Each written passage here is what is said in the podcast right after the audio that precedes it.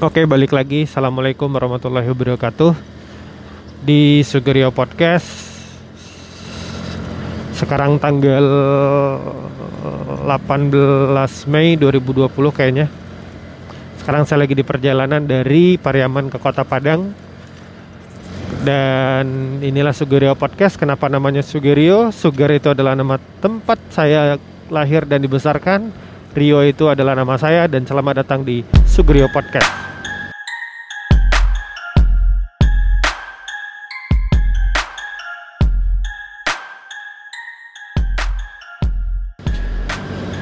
Baik teman-teman pendengar Sugerio Podcast yang saya juga ingin ngucapin terima kasih buat teman-teman yang masih stay di sini, yang masih mau dengerin, masih mau berkenan membagikan podcast ini di Insta Storiesnya.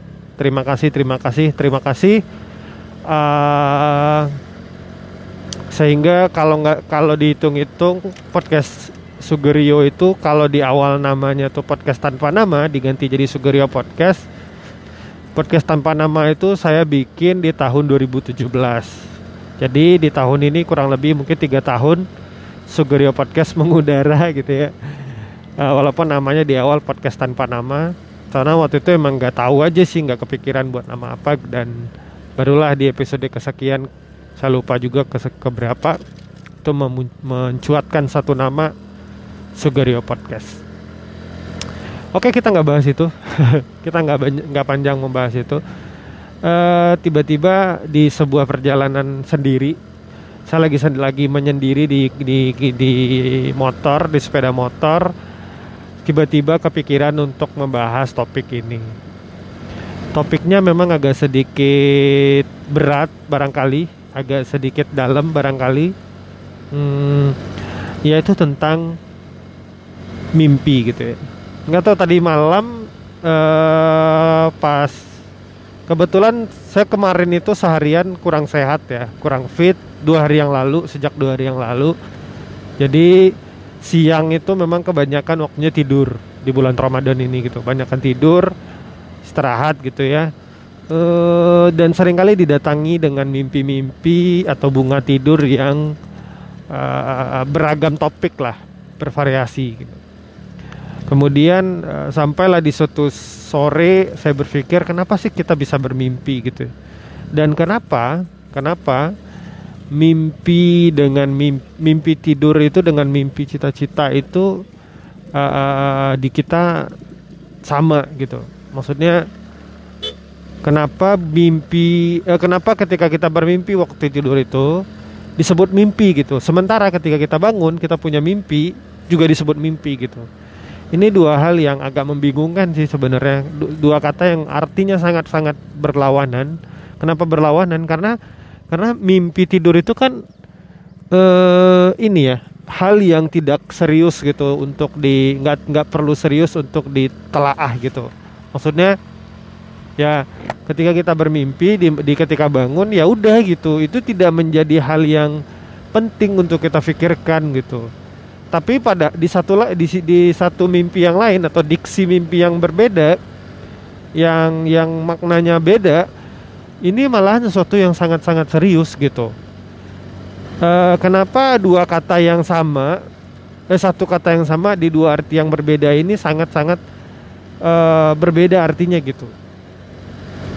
Sehingga sehingga nanti e, kita bakalan disugesti menjadi uh, ketika kita punya mimpi ya udah itu jadi kelihatan remeh gitu. Maksudnya nggak sepenting eh sama nggak pentingnya dengan ketika kita tidur tadi gitu.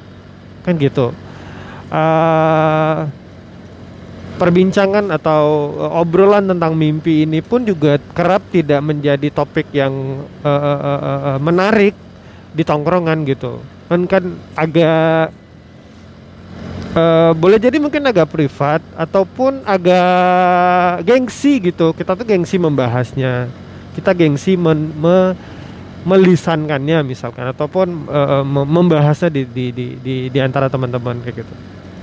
Padahal kan uh, menarik aja sih kalau kita misalkan memposisikan mimpi kita tuh sesuatu yang serius sesuatu yang memang harus di, uh, menjadi target yang kita kejar di sepanjang usia kita kayak gitu.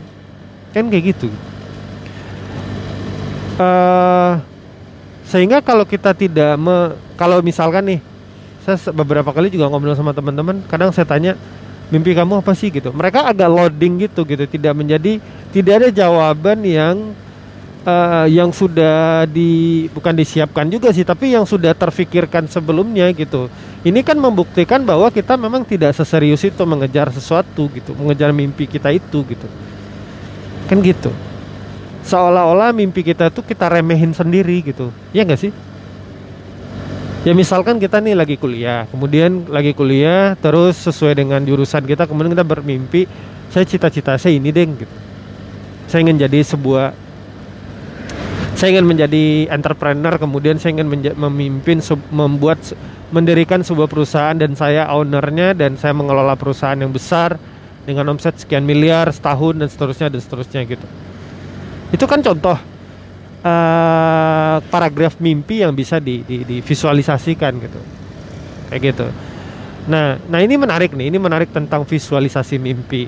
Ke beberapa waktu lalu kebetulan saya dapat training ini di kantor tentang bagaimana sih kita memvisualisasikan target-target yang kita harus kejar di kantor gitu. Dan ini menarik kalau untuk diimplementasikan juga dalam kehidupan pribadi gitu. Uh, kadangkala kita tidak cenderung tidak tidak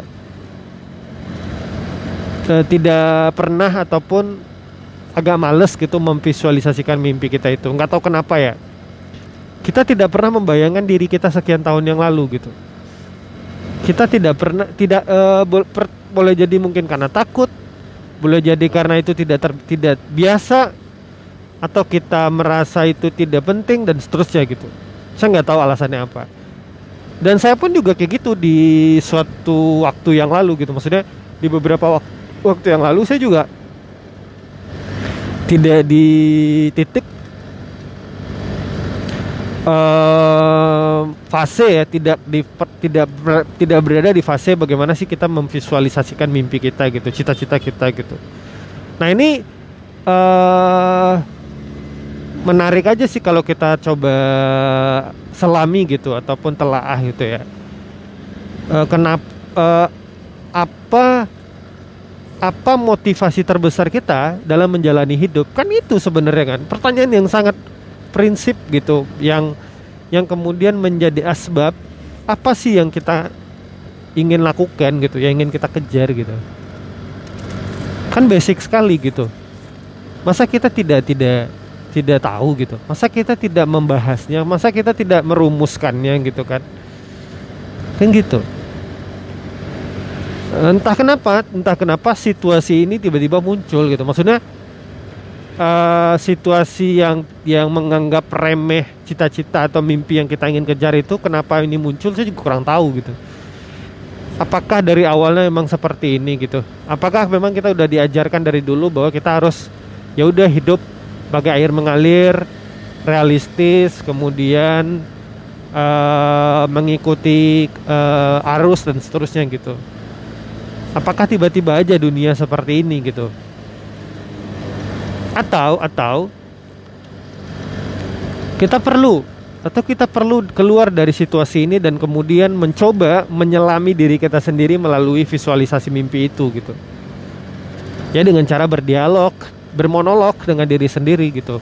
Menanyakan ke diri kita kita mau ke mana? Kita mau apa? Gitu. nah kenapa saya tiba-tiba muncul sebuah pembahasan ini? Sebenarnya beberapa hari yang lalu saya tuh kan di ini uh, bekerja di sebuah lembaga zakat ya.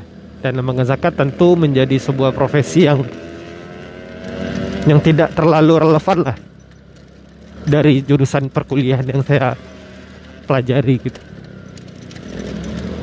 Tapi uh, meskipun demikian, saya merasakan kenikmatan bekerja. Kemudian secara pendapatan saya pikir cukup memuaskan secara pribadi secara pribadi meskipun kalau menggunakan kacamata orang lain tentu ini akan berbeda.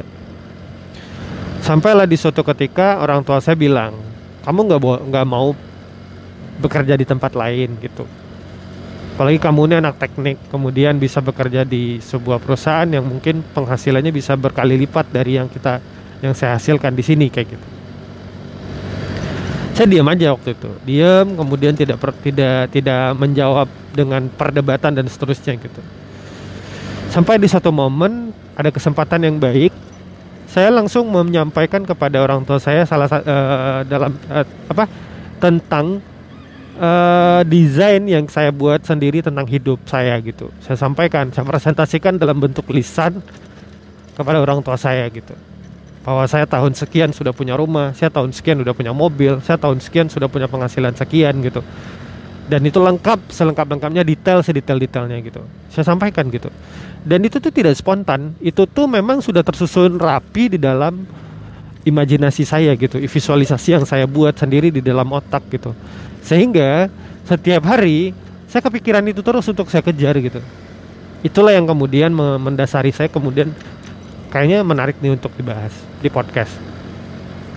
Apa dampaknya setelah saya memvisualisasikan mimpi itu kepada orang tua? Kemudian uh, pertama uh, membuat saya lebih fokus gitu. Maksudnya itu tuh semacam ada proklamasi bahwa saya sudah memproklamirkan bahwa saya akan ke situ gitu. Kayak gitu. Akhirnya apa? Ketika di pertengahan jalan, ketika di, di tengah-tengah uh, ruang yang yang yang yang apa ruang perenungan pri, yang sendiri gitu ketika saya menyendiri kemudian berpikir tentang what's next gitu kan maka saya udah nemu tuh uh, arahnya gitu kompasnya udah kelihat udah udah ada arahnya mau ke mana tinggal perjalanan ini mau dilanjutkan atau enggak kayak gitu ini misalkan nih misalkan saya tahun ini pengen uh, penghasilan saya dua kali lipat dari gaji saya di kantor misalkan. Oke, okay, sip. Karena penghasilan dengan gaji beda ya. Penghasilan itu adalah pendapatan yang kita mas yang masuk ke dalam uh, apa yang kita terima setiap bulan. Kalau gaji ya yang dikirim oleh kantor ke kita gitu. Berarti ada peluang untuk menambah penghasilan di luar gaji kan gitu. Ya udah, saya pikir tuh, ah, saya harus minim uh, dua kali lipat. Ini misal ya, ini misal dua kali lipat uh, gaji saya dari dari dari dari hari ini gitu penghasilan saya gitu Gimana caranya? Oke, saya tulis. Oh, saya harus kerja di sini. Saya harus buka bisnis kah? Saya harus ini kah? Saya harus ini kah? Apa yang harus saya buat? Itu udah udah dibikinkan uh, maps-nya gitu. Maka ketika di dalam sebuah ruang yang sunyi, maksudnya dalam ma, apa namanya? dalam uh, momentum muhasabah ataupun perenungan, kalau bahasa kekiniannya meditasi mungkin ya saya berpikir langsung uh, apa what's next itu kan kadang kita berpikir apa ya selanjut setelah ini ya gitu. Dan itu kan banyak distraksi yang muncul akhirnya. Banyak distraksi atau yang mengganggu pikiran kita saya mau ke sini saya mau ke sini. Kenapa? Karena kita tidak fokus gitu. Karena tidak kita belum menentukan tujuan kita di mana gitu. Sehingga sehingga uh, ada banyak uh, potensi yang membuat kita ada banyak poten uh, yang mem, yang berpotensi membuat kita keluar dari keluar dari uh, uh, kompas itu gitu. Keluar dari maps yang sudah kita kita bukan kita buat. Keluar dari maps yang kita belum buat kayak gitu. Kan kayak gitu gitu. Lalu pertanyaannya lah kalau kita mendesain sendiri terus bagaimana nanti kita terbentur dengan realita gitu? Wah itu pasti memang. Itu pasti gitu. Saya pun juga demikian gitu ketika dulu saya masuk elektro itu kan sudah saya desain tuh bahwa saya akan menuju, di titik ini. Kemudian pekerjaan ternyata membuat saya tidak realita membuat saya tidak bisa bekerja di bidang elektro. Ya kemudian saya harus yang penting ujungnya sama nih ujungnya tetap di situ. Ya udah berarti ada persimpangan jalan kemudian saya tidak bisa memilih jalan belok kiri ya udah saya belok kanan. Kan kayak gitu aja. Yang penting kita tahu ujungnya di mana, kemudian kita tarik sampai ke detik ini, kemudian cara menuju ke sana ada beberapa jalan yang kita uh, sudah desain, sudah petakan kayak gitu. Kan kayak gitu. Uh, sehingga uh, yang saya rasakan pasca memvisualisasikan mimpi yang saya buat itu bahkan sudah saya presentasikan ke depan orang tua, orang tua jadi yakin gitu. Nih, nih ya udahlah selamat berjuang gitu. Oke okay, gitu. Artinya uh, ruang perbedaan pendapat, ruang perbedaan cara pandang sebenarnya bisa dihasilkan dari komunikasi gitu. Maksudnya kalian pasti pernah nemu bertemu, bertemu dengan perbedaan pandangan dengan orang tua itu itu udah hal yang wajar gitu. karena kita berbeda generasi gitu bahkan orang yang lebih tua biasanya lebih banyak merasa lebih banyak tahu gitu nah di saat kita diam-diam aja dan tidak pernah menyampaikan apa yang kita sedang ingin tuju maka orang tua itu berpikir ini anak perlu diarahin ini anak perlu dikasih tahu nih gitu. Nah di saat momen itulah kemudian kita sudah menyiapkan jawaban-jawaban yang akhirnya memvisualisasikan. Uh, yang yang menjadi hambatan terbesar kan kadang kita takut aja gitu. Kita takut ketika kita melisankan ini kemudian tidak tercapai. Kemudian ada sebuah respon yang takutnya didapetin. Respon yang tidak lagi suportif. Gitu.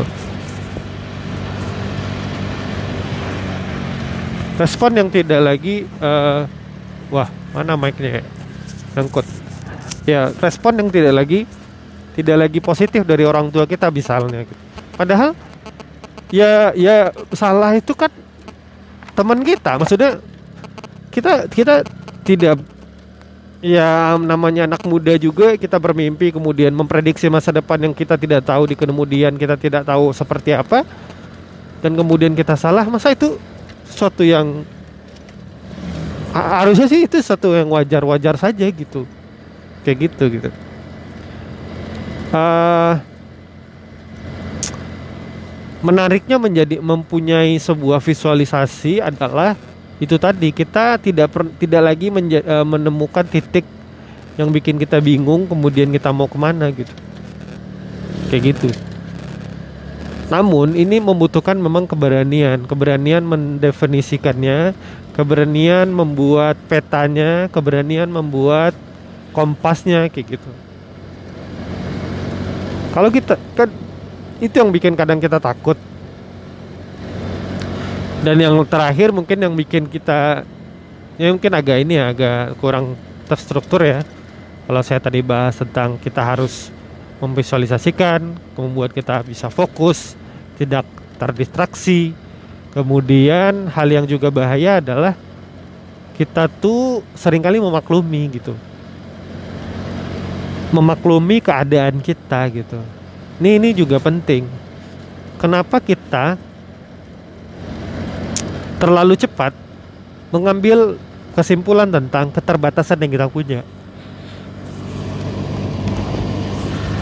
dan saya juga pernah di, berada di titik itu gitu dan sekarang juga masih struggling untuk kemudian keluar dari situasi itu gitu kadang kala kita merasa iyalah dia sukses saya kan anak daerah saya orang tua saya nggak sekaya dia saya saya kan saya kan cuman sekolah di kampung gitu saya kan uh, apa uh, memang ke, apa tidak dibesarkan dengan dengan finansial yang membuat saya fokus bisa berkarya, ya, ber, bisa bermimpi dan seterusnya kayak gitu.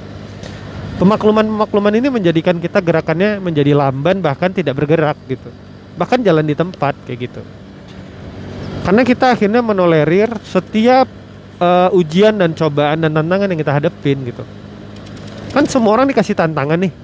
Semua orang dikasih challenge agar kita, kalau kita bisa lulus dari challenge itu kemudian kita bisa lebih lebih tinggi lagi levelnya gitu. Nah, uh, ketika kita udah memutuskan di ujung jalan bahwa kita akan ke sana,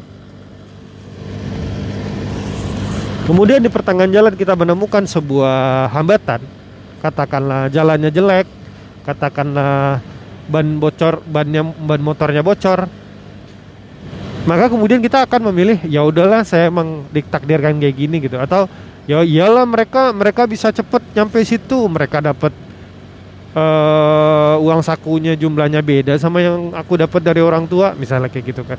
Ini kan pemakluman pemakluman yang bikin kita akhirnya cepet uh, uh, mundur gitu bayangin ketika kita di perjalanan kemudian ban sepeda motor kita bocor yang kita pikirkan bukan tentang biarlah mereka biar iyalah mereka dan ataupun pemakluman pemakluman lainnya tapi kita mencari di sini ada tambal ban nggak ya? Kan gitu harusnya. Iya kan? Sama misalnya nih kita mau pergi ke kantor nih kemudian di perjalanan ban kita bocor. Ya udah kita tinggal ngambil pemakluman bikin di grup WhatsApp sampaikan kepada pimpinan mohon maaf bos saya izin telat motor kebetulan tiba-tiba pagi ini bocor misal bannya gitu. Itu kan langsung kita ambil jalan pintas. Kenapa kita tidak memilih untuk segera mencarikan uh, tambal ban kemudian setelah ditambal masuk menuju kantor dengan secepat mungkin misalkan? Agar tetap tepat waktu misalkan? Nah kayak gitu kan. Jadi uh, menurut saya salah satu yang jadi penghambat juga adalah kita sering kali memaklumi setiap keterbatasan yang kita duga. Padahal boleh jadi itu bukan keterbatasan yang yang berhak disalahkan menjadi uh, ketika kita menang menghadapi sebuah kegagalan kayak gitu. Boleh jadi itu cuman uh, pelarian kita aja gitu. Kitanya aja yang emang males gitu. Emang males dan mudah menyerah. Ya udah carilah alasan-alasan yang bikin kita membuat nyaman kayak gitu. Nah ini juga kita harus struggling juga nih keluar dari situasi ini. Oke barangkali itu ya tentang uh, visualisasi visualisasi mimpi di yang bisa di, yang saya ingin bahas di pod pagi hari ini. Terima kasih kalian yang udah dengerin. Uh, selamat menuliskan cita-citanya di sebuah di buku. Ya, bikin aja di buku. Beli buku satu, tulis secara khusus. Kemudian didetailkan, didetailkan. Uh, setelah didetailkan, uh, kemudian divisualisasikan, dibayangkan kita menu, akan menuju ke sana dengan jalan-jalan tertentu. Kemudian di dalam doa-doa kita jangan lupa untuk dilisankan. Karena kata Allah, Allah itu sesuai dengan prasangka hambanya. Jadi tidak ada yang tidak mungkin. Kalau kata Allah sudah kun, fayakun. Kalau Allah katakan terjadi, maka akan terjadi. Maka ini saatnya teman-teman di barangkali di masa pandemi ini juga kita lebih banyak berdiam diri di rumah lebih banyak bisa bermonolog dengan diri sendiri. Manfaatin. Manfaatin. Oke itu saja. Terima kasih yang udah dengerin. Wabillahi taufiq hidayah. Sampai ketemu di episode selanjutnya. Assalamualaikum warahmatullahi wabarakatuh. Bye bye